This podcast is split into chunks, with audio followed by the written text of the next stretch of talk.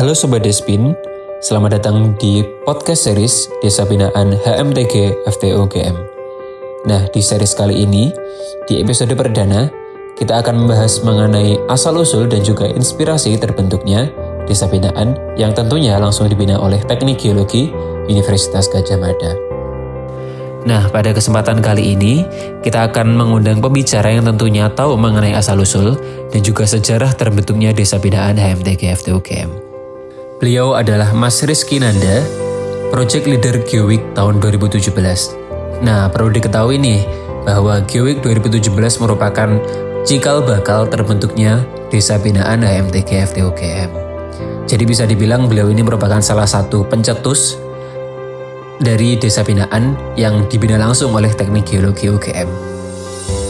Mas Rizky Nanda ini sekarang menjadi Business Development dari PT Geodwipa Teknika Nusantara dan juga pernah menjadi Chairman dari Dewan Energi Mahasiswa UGM pada tahun 2017 hingga tahun 2018. Nah, Desa Binaan HMTG UGM punya jargon nih. Nanti kalau misal aku bilang Desa Binaan HMTG UGM, Nanti jawabannya dari Bayat untuk Indonesia. Oke? Desa Binaan HMTG FT UGM dari Bayat untuk Indonesia. Oke, untuk mempersingkat waktu langsung aja kita sapa.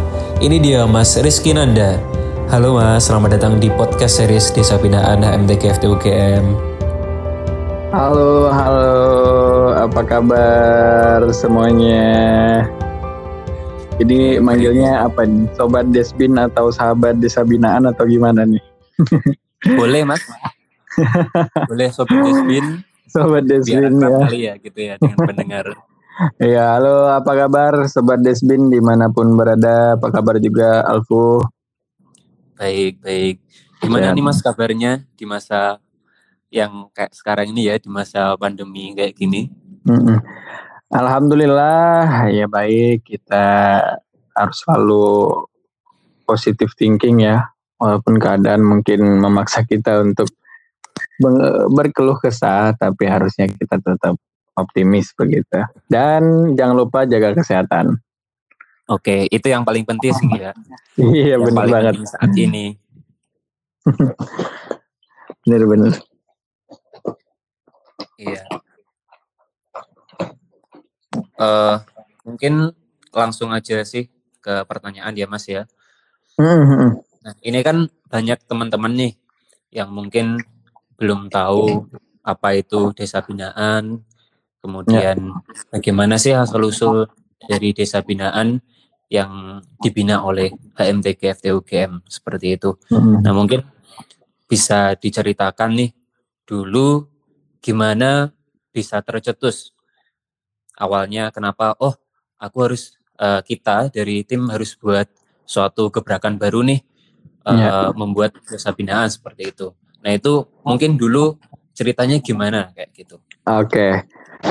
ini uh, aku mungkin ceritanya agak flashback ya ke belakang dulu dan jauh sebelum pencetusan ide itu sebenarnya. Triggernya itu uh, bisa dibilang mulai mulai kepikiran bukan mulai kepikiran nah lebih ke tepatnya itu mulai ada rasa kepedulian itu sejak uh, jadi maba masih baru nah ini kalau maba geologi pasti per, pasti kebayat kan? Uh, pasti pernah kebayat lah paling nggak kayak gitu. Kalau kita jadi maba geologi pertama dan da datang dari luar, luar daerah begitu ya kayak saya kan dari Riau begitu. Nah mm -hmm. pastinya nih aku yakin semua mahasiswa yang field trip itu pasti tidur di jalan ya nggak di bus? Nah Benar, itu waktu pertama kali pengalaman uh, pengalamanku field trip di Bayan kan kita udah langsung ditentuin tuh titiknya di mana ke mana gitu kan ya. Tapi kan saya tidur waktu itu. Ya namanya masih maba ya nggak tahu apa apa juga gitu. Baru pertama kali tahu tentang geologi terus tiba-tiba udah sampai aja tuh di lokasi kan. Yang mana sih yang namanya bayat gitu kan udah sampai di satu STA STA ini begitu di STA Watu hmm. Perahu STA Gunung apa Gunung Pindul segala macam gitu. Nah iya Oke, STA pertama sampai gitu ya. Oh, berarti uh, udah sampai nih. Terus selesai gitu uh, ke STA selanjutnya. Wah ini tadi lewat ke mana ya? Kan bingung tuh. terus STS selanjutnya lagi ini masih dibayar tapi udah beda kecamatan tapi tadi ke mana ya masuknya lewat mana ya karena kita kan tidur kayak gitu nah di situ mulai mulai ke trigger kok singkapan ini nggak ada lokasi petunjuk sih gitu dibayar gitu kan terus hmm. uh, aku juga tanya kan ke senior senior mas mbak ini sebenarnya udah lama ke asisten kalau nggak salah ya ini udah lama ya kita itu uh, field trip ke Bayat oh udah lama deh kata senior-senior kita gitu kan. Oh udah lama banget kita bahkan dari zamannya Pak Menteri Basuki Hadi Mulyono itu udah field trip dibayar gitu. Terus timbul dong pertanyaan, loh kalau udah dari lama kenapa sih nggak ada pam, apa plang atau petunjuk informasi atau paling nggak ada uh, yang men, yang bisa kita tahu oh ini titik uh, singkapan ini gitu oh di sini uh, titik singkapan A B C dan seterusnya gitu kok sampai saat ini kok belum ada gitu kan. Nah, mulai ke trigger tuh di situ pertama. Terus yang kedua, setelah beberapa kali uh, fitur kebayat itu ada satu singkapan di deket uh, apa Joko Tuo kalau kamu tahu itu di Jiwo Timur. Mm-hmm. Ya, pertama kali aku masih maba itu ada semacam uh, apa namanya singkapan yang di pinggir jalan baru terbuka gitu. Mungkin ada ada penambangan begitu ya. Nah, terus eh, singkapan itu bagus, tapi lama kelamaan itu bertahun-tahun kok makin hilang gitu ya, makin hilang lapu, nggak dirawat sama sekali begitu. Bahkan itu jadi salah apa lokasi pengamatan di apa zamanku kuliah lapangan dibayar gitu dan itu udah ketutup rumput istilahnya nggak dirawat lah kayak gitu bahkan sampai dua tahun tiga tahun uh, sudah kuliah di geologi itu masih seperti itu gitu dibiarin aja artinya kan uh, singkapan itu nggak dirawat gitulah ya uh, kasarnya. Nah terus aku uh, nanya lagi nih ke senior senior, ini singkapannya punya siapa sih gitu? Kan penting. Kenapa kita nggak ada uh, rasa kepedulian untuk menjaga atau enggak memagari lah gitu kan? Ada juga tuh singkapan okay. yang ada ditanamin warga gitu kan ya, atau di samping yeah, rumah warga. Bahkan ada juga tuh singkapan yang makin berkurang tuh tahun lalu kita datang masih utuh gitu ya, udah lengkap dengan struktur ini, struktur uh, sesar turun, sesar naik segala macamnya. Tapi tahun depan ke sana eh makin berkurang, eh hilang, eh segala macamnya enggak ada lagi kayak gitu ya seperti uh, idealnya waktu pertama kali uh, ke sana. Nah, timbul juga tuh pertanyaan lagi kan ke senior juga, bahkan ke dosen sebenarnya juga saya tanya. Kok ini singkapannya dibiarin aja sih gitu kan penting makin, makin kita. berkurang gitu ya makin ya. berkurang kenapa nggak ada uh, effort atau usaha untuk Buset. melestarikan singkapan-singkapan ini banyak loh yang makin berkurang ini gitu ternyata jawabannya ya nggak bisa deh gitu karena ini kan singkapannya milik warga gitu kita nggak punya hak segala macam nah saya mulai kepikiran sejak uh, ke Karsambung. Waktu ke Karsambung ternyata singkapannya itu dijaga gitu loh. Di uh, ada yang mengusahakan untuk itu lestari yaitu LIPI. Kebetulan di Karangsambung itu ada LIPI gitu kan ya. Terus kepikiran lagi dong loh dibayar kok nggak ada LIPI ya? Kayak gitu. Kalau memang nggak ada LIPI uh, mungkin karena alasan memang batuan di Karangsambung lebih lengkap kalau begitu dibayar bisa paling usahakan sendiri. Usahakan sendiri dong. Kalau nggak ada LIPI ya paling nggak yang ada gedungnya di sana deh yang, ber, yang paling bertanggung jawab ya itu UGM gitu kan. Kebetulan kita teknik geologi harusnya kita dong kayak gitu kan.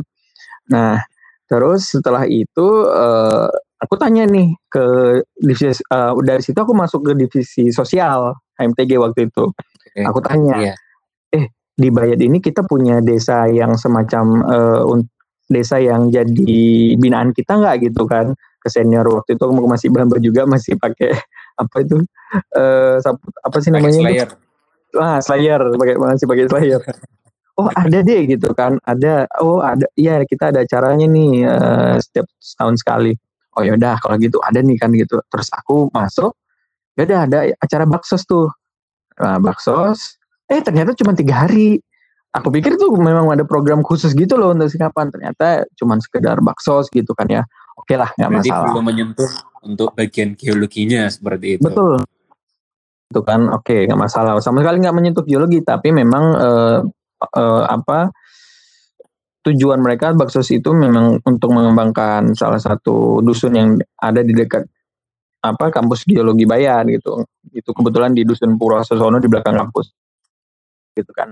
Terus aku challenge lagi ke kakak-kakak kan, kok kita nggak punya desa binaan yang sustain gitu, yang kita punya program berkelanjutan gitu untuk uh, bayar sih kan aku pernah dengar juga tuh uh, dosen-dosen pernah bilang kita itu sering banget loh uh, apa bahkan ini senior juga kalau nggak salah yang ngomong uh, hmm. kita itu sering banget ke lapangan dan kita mungkin bisa merusak pekarangan kita mengganggu uh, waktu mereka kenyamanan mereka mungkin. Maka dari itu uh, sebenarnya ada pekerjaan-pekerjaan yang sudah dilakukan. Misalnya pemetaan longsor air tanah kayak gitu. Uh, itu memang sudah dilakukan oleh pihak dosen pihak kampus gitu ya. Nah, kemudian uh, dari HMTG juga sebenarnya sudah melakukan itu. Sudah usaha. Sudah usaha, tapi cuma sebatas tadi baksos aja gitu.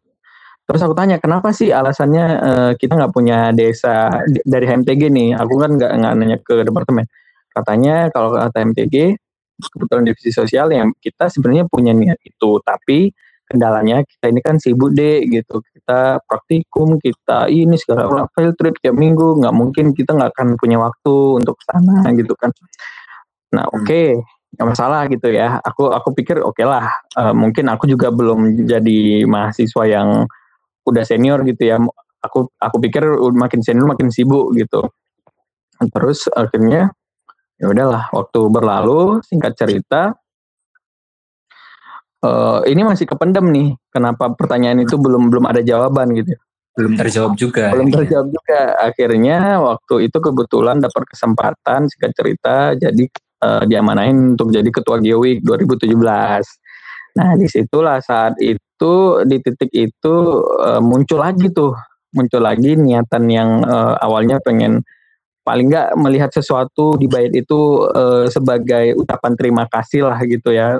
Kita udah hmm. udah e, merusak pekarangan atau mungkin sering main ke sana tapi banyak juga pertanyaan dari warga yang ini geologi sering ke sini kok nggak ada nggak ada hasilnya nyari apa toh? gitu kan nyari batu untuk apa? gitu apa cuman untuk ake gitu kan banyak banget yang pertanyaan mereka ketika kami eh, ketika kita kuliah lapangan dibayar kayak gitu. Ketika lagi field trip. Mm -mm, makanya akhirnya pas jadi ketua geoik timbullah itu lagi semangat itu lagi kan.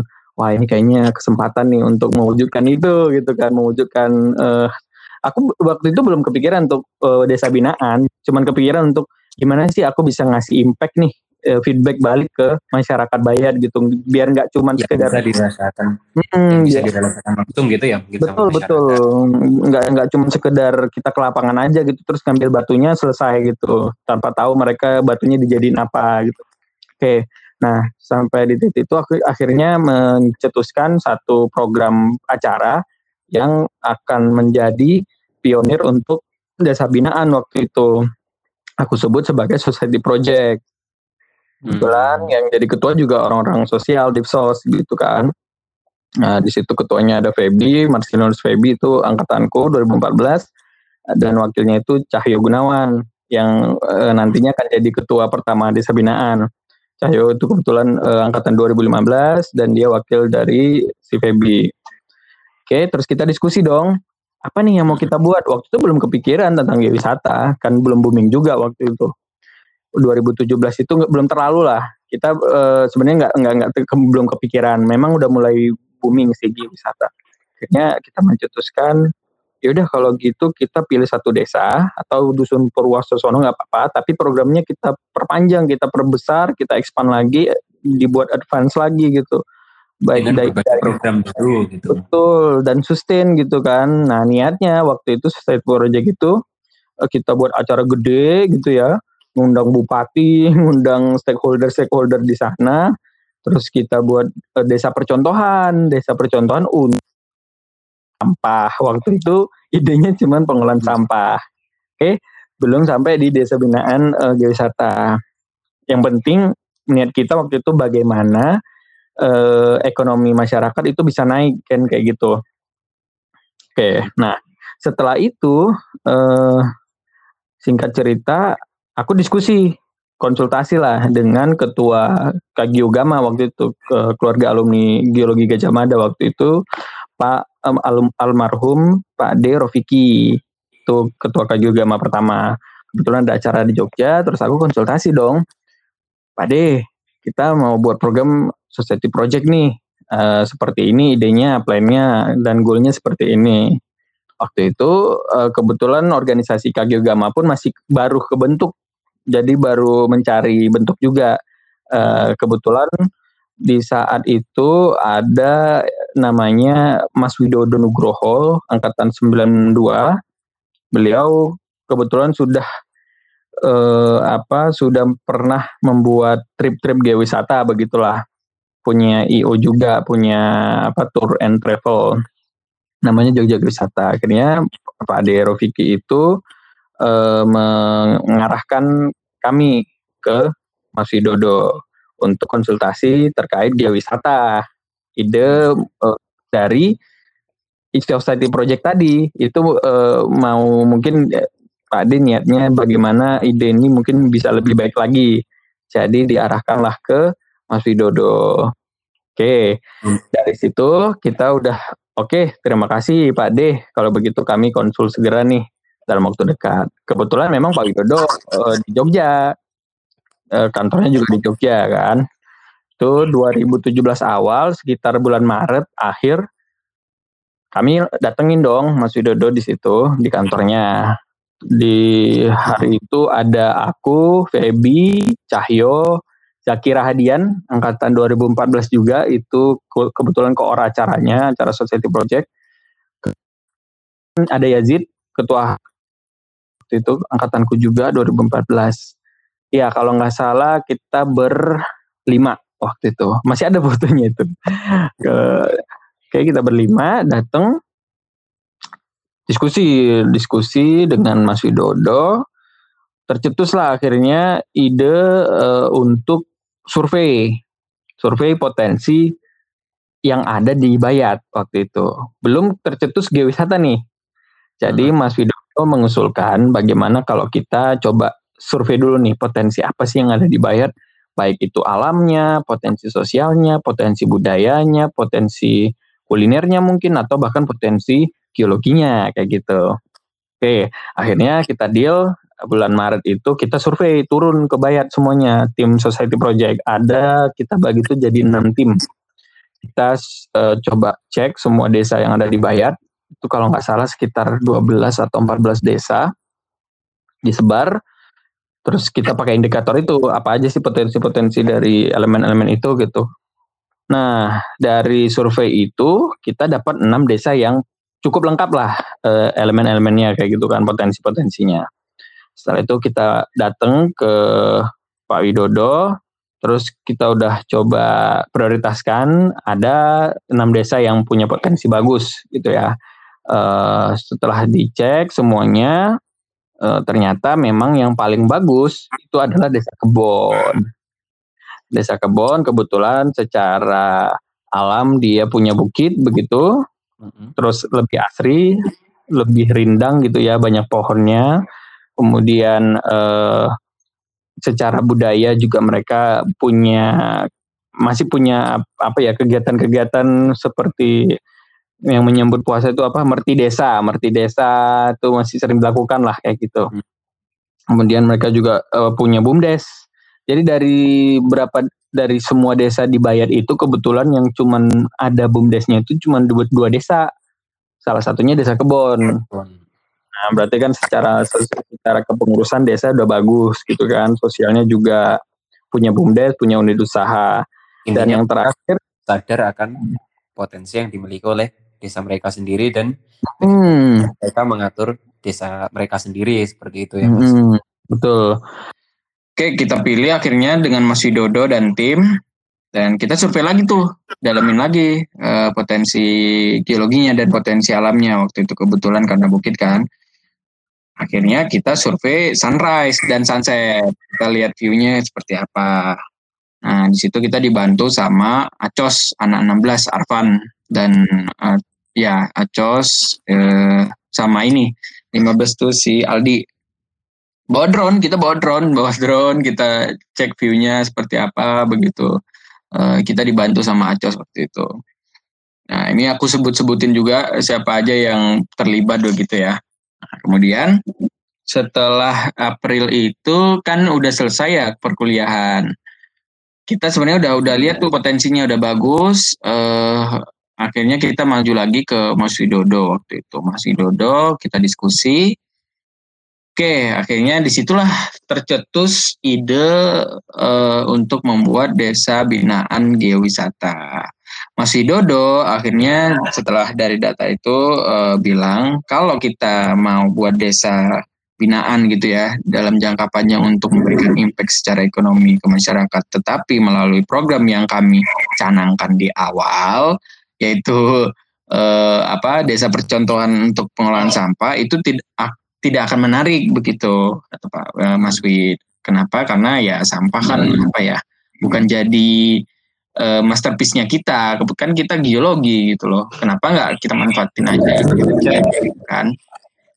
Nah di situ uh, akhirnya ya udah uh, apa namanya kita uh, sepakat lah kalau gitu kalau mau mengundang bupati, mengundang stakeholder itu kalau bisa buat yang lebih wow gitu, jangan sekedar pengolahan sampah ya udahlah akhirnya kita sepakat untuk membuat desa binaan yang khusus di geowisata. Nah, itu di titik itu kita deal akhirnya untuk memilih satu desa sebagai uh, desa wisata. Nah, dari diskusi-diskusi selanjutnya, sebenarnya kenapa kita pilih satu desa? Kenapa dan uh, apa namanya? Kenapa desa kebun begitu kan ya? Pasti itu uh, jadi pertanyaan lah, sering jadi pertanyaan. Benar. Kan dari sekian ya. banyak desa nih mas yang ada di Bayat gitu, kenapa? Mm -mm, betul, uh, betul banget. Sering ditanyakan. Mm -mm, betul banget. Jadi gini, kenapa sih yang kita pilih desa kebon uh, untuk jadi desa binaan pertama? Memang tadi secara survei, pra survei kami memang Eh, jelas di situ yang punya potensi tinggi adalah desa kebon secara alaminya, secara budaya, secara sosial dan secara geologi itu lengkap gitu. Hmm. Geologinya mereka punya batuan juga, batuan tertua bahkan di situ yang itu bisa jadi menarik. Nah, selanjutnya alasan kenapa desa kebon yang kita pilih kalau kamu tahu eh, kan ada banyak banget singkapan yang itu sebenarnya ditambang kan, bukan milik hmm. uh, sesok bukan milik apa ya bukan milik lembaga begitu tetapi milik pribadi milik pribadi kalau misalnya nih kita mau memberikan dampak ekonomi yang baik kepada masyarakat Bayat eh, tetapi melalui geologinya karena kita adalah orang geologi kita ingin menunjukkan kalau apa yang kita lakukan itu juga berdampak kok untuk masyarakat gitu kan ya kita kan nggak bisa bilang tuh sama orang-orang yang menambang singkapannya, menambang batuan-batuan yang jadi singkapan bagus untuk geologi itu, kita kan nggak bisa bilang, oh Pak, e, kalau misalnya singkapan ini dijadikan geowisata itu bagus loh Pak, bisa menambah nilai ekonomi daripada sekedar ditambang kan begitu. Misalnya di karena di, memang di temas, karena memang itu milik pribadi mereka. Mm. Nah, Betul, jadi kan memang itu kan sebenarnya mata pencarian mereka begitu kan ya. Dan ada yang singkapan itu letaknya di samping rumah, di belakang rumah, atau memang di tanah seseorang gitu kan ya. Kalau mau kita beli semua kan mungkin juga teknik geologi mungkin belum mampu secara finansial begitu kan. Uh, atau mungkin LIPI juga udah udah megang karang sambung begitu. Tapi itu kan penting gitu untuk geologi. Nah, gimana caranya orang yang dulu memanfaatkan singkapan itu secara mentah begitu ya, diambil, diolah, dijual. Nah, sekarang gimana caranya untuk mengubah itu menjadi nilai tambah? Jadi jangan ditambang, tapi tetap bisa dapat duit.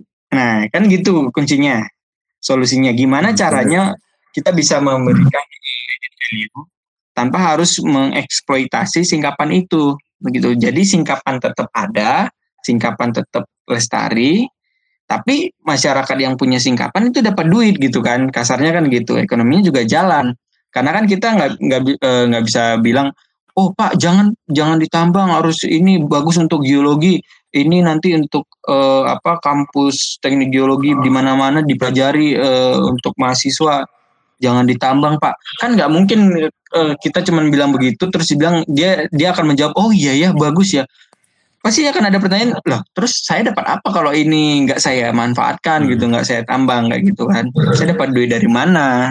Nah dengan begitu kita juga nggak mungkin kan uh, memaksa mereka uh, bilang uh, itu akan bagus secara ekonomi. Artinya di sini kita harus berpikir. Kalau mm, bernilai. Gimana caranya singkapan ini?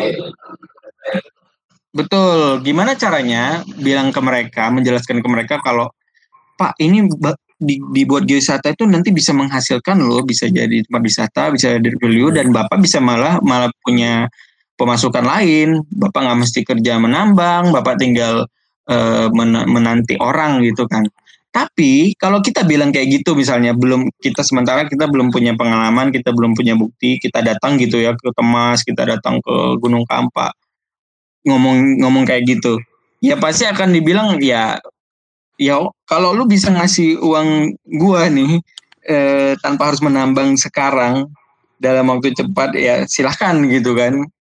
Ya monggo aja gitu. Tapi kan kita belum punya bukti waktu itu Nah, maka dari itu eh, kita kepikiran untuk bisa membuat orang termotivasi menjadikan singkapan itu eh, punya edit value yang lain, nggak sekedar ditambang. Artinya kita harus bisa memberikan bukti dulu nih. Kita harus bisa memberikan contoh nih. Kalau singkapan itu bisa dimanfaatkan loh, tidak dengan dieksploitasi.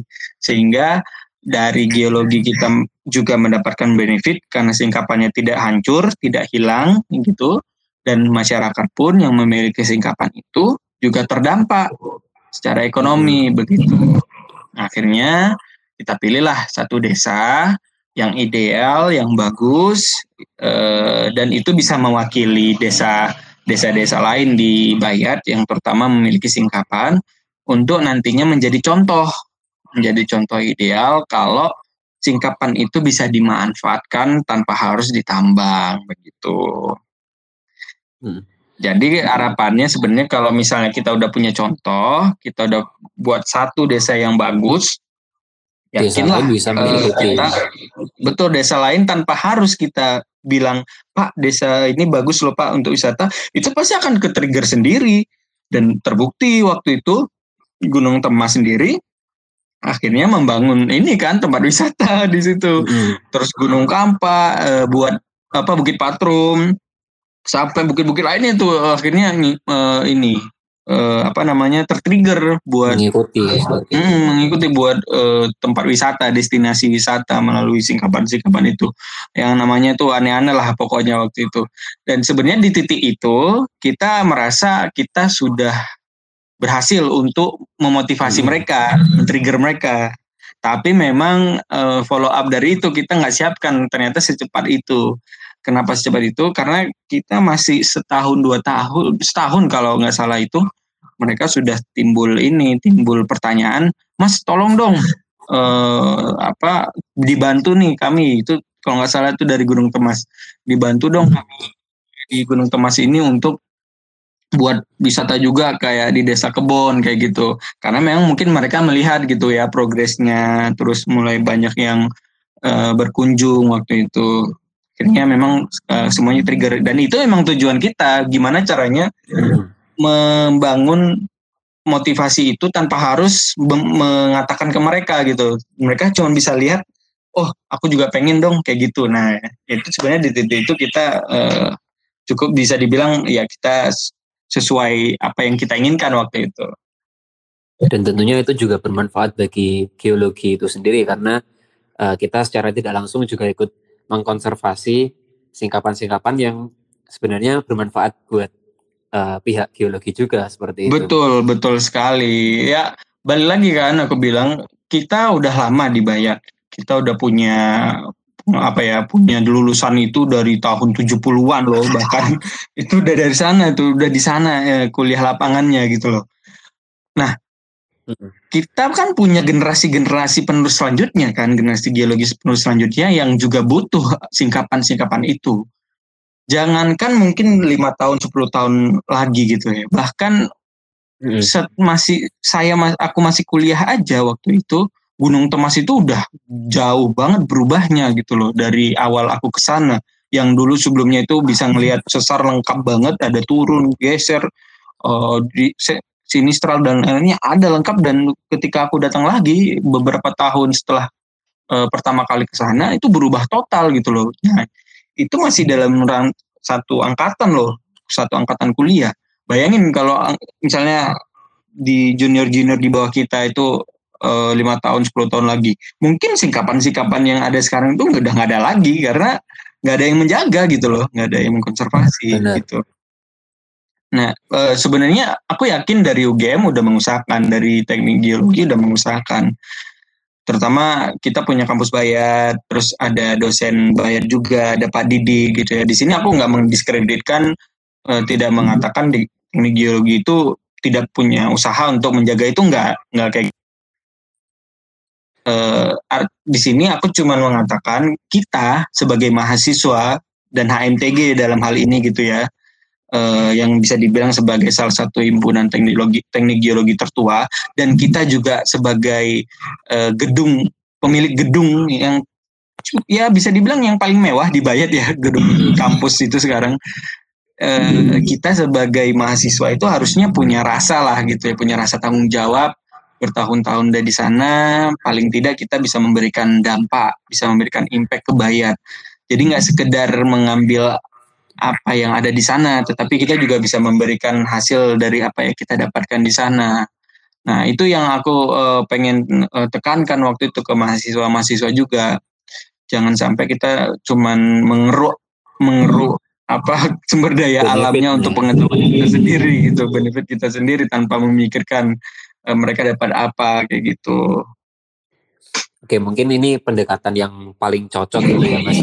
Mungkin uh, yang dilakukan dari pihak UGM uh, eh, belum membuahkan hasil yang maksimal, tapi ternyata dengan pendekatan yang menurut uh, menurut kita ini di luar topik dari geologi itu sendiri, tapi ternyata mm -hmm. dengan pendekatan pariwisata kita bisa mendapatkan mm -hmm. uh, manfaat yang bahkan bisa dirasakan oleh kedua belah pihak gitu mungkin uh, ini hmm, pendekatan yang baru dan mungkin betul. yang paling cocok untuk diterapkan uh, dalam uh, kondisi di sosial masyarakat desa yang ada di sekitar Bayat seperti itu mungkin. Hmm, ya uh, bener banget. Jadi uh, kenapa kita juga memilih akhirnya memilih wisata gitu ya, memilih wisata dengan geologi. Kalau kita pakai eh, pendekatan yang lain, sebenarnya sulit mencari titik temunya yang geologi bisa masuk di sana. Dan setelah kita cari tahu, bahkan kita sebenarnya diskusi juga gitu ya dengan salah satu dosen juga di UGM waktu itu kebetulan aku sendirian konsultasi dengan dosen PSDK. Kalau kamu pernah dengar pembangunan dan kesejahteraan sosial, sosial. di Visipol uh, aku belajar banyak tentang community development di, uh, dengan dosen itu. Kebetulan beliau dosen uh, KKNku gitu ya. Ya memang pariwisata itu adalah titik temu dari semua jurusan sebenarnya. Jurusan apa pun tuh bisa masuk -hmm. gitu loh. Jurusan sains, saintek gitu ya, jurusan uh, kedokteran, ke, semuanya lah itu bisa masuk dengan wisata gitu. Tinggal masukin aja, kombinasikan aja gitu. Salah satunya ya kayak geologi. Geologi kalau wisata itu kan kuncinya adalah destinasi kan. Destinasi ada yang bisa dipandang ada yang bisa dilihat ada yang bisa dibawa. Nah ya udah geologi kebetulan cocok banget dengan apa behavior masyarakat saat ini yang suka selfie suka wisata suka foto gitu kan. Ya wisata destinasi alam dan alam itu kaitannya sama geologi ya memang cocok banget. Samping itu juga eh, jadi salah satu ini juga pembelajaran kalau geologi itu nggak cuma sekedar ngomongin batuan aja loh gitu loh. Kita juga bisa memberikan dampak ekonomi secara sosial, salah satunya melalui geowisata dengan geowisata. itu memanfaatkan geologi gitu. Nah itu mahasiswa di situ bisa belajar dan bisa mengkonservasi, juga bisa memberikan dampak ekonomi ke masyarakat. Benar. Oke sahabat Desbin, seru banget tadi yang diomongin sama Mas Gading. Nah, bagi yang masih penasaran dengan kelanjutannya, kita lanjut di part 2. Jangan ke mana-mana tetap di podcast Desa Binaan HMTG FTUGM dari Bayat untuk Indonesia.